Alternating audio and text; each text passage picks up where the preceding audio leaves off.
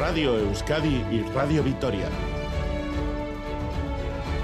Servicios informativos.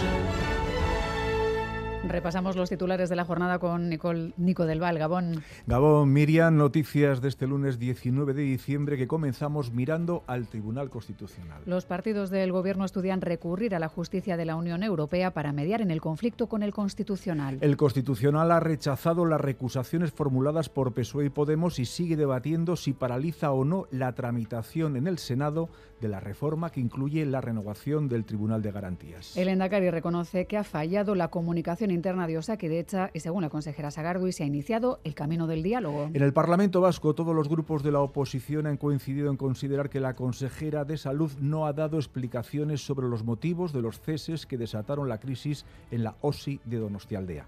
Los jefes de servicio informarán mañana en asamblea del contenido de la reunión que han tenido hoy con la directora de Osakidecha y al tiempo los sindicatos han convocado una nueva campaña de movilizaciones. La precariedad laboral sigue siendo una realidad en Osakidecha, uno de los problemas más importantes, como llevamos años denunciando. Y bueno, pues a la vista de esta situación nos parece imprescindible eh, iniciar una dinámica de movilizaciones a la que pretendemos dar continuidad después del periodo navideño. Y bueno, pues la primera convocatoria sería este jueves, día 22, en todos los centros de trabajo de Osakidecha. 11 de la mañana en hospitales y una del mediodía en todos los centros de atención primaria.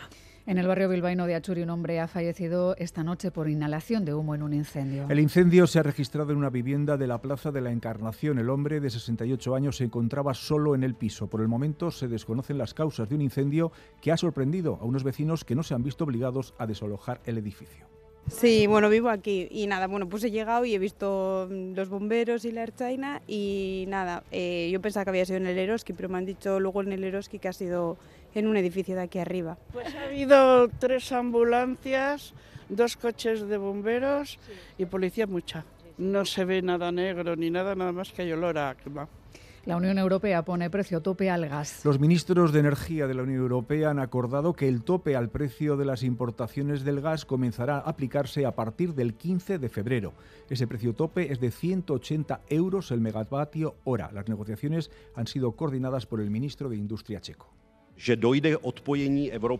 El tope que se ha fijado no actuará como un techo fijo, sino que actuará como un límite dinámico, suficientemente robusto como para actuar muy rápidamente, si no de forma automática. Hemos hecho nuestro trabajo, otra misión imposible conseguida.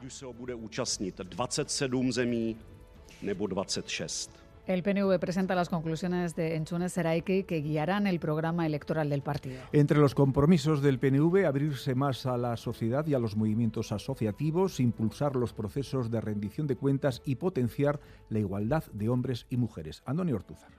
La sociedad vasca es cada vez más plural, más diversa y más compleja. Y tenemos que conseguir que esa nueva sociedad se identifique con la identidad nacional vasca para lo que necesitamos un relato más integral, seguramente más emocional de la causa del pueblo vasco, acorde con el siglo XXI y con ese mundo en cambio.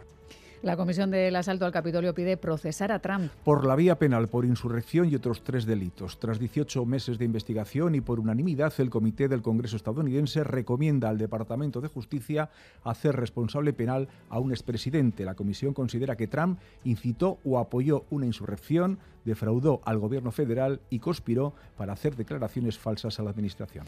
Es todo más información en una hora y en todo momento en itv.eus. Arte.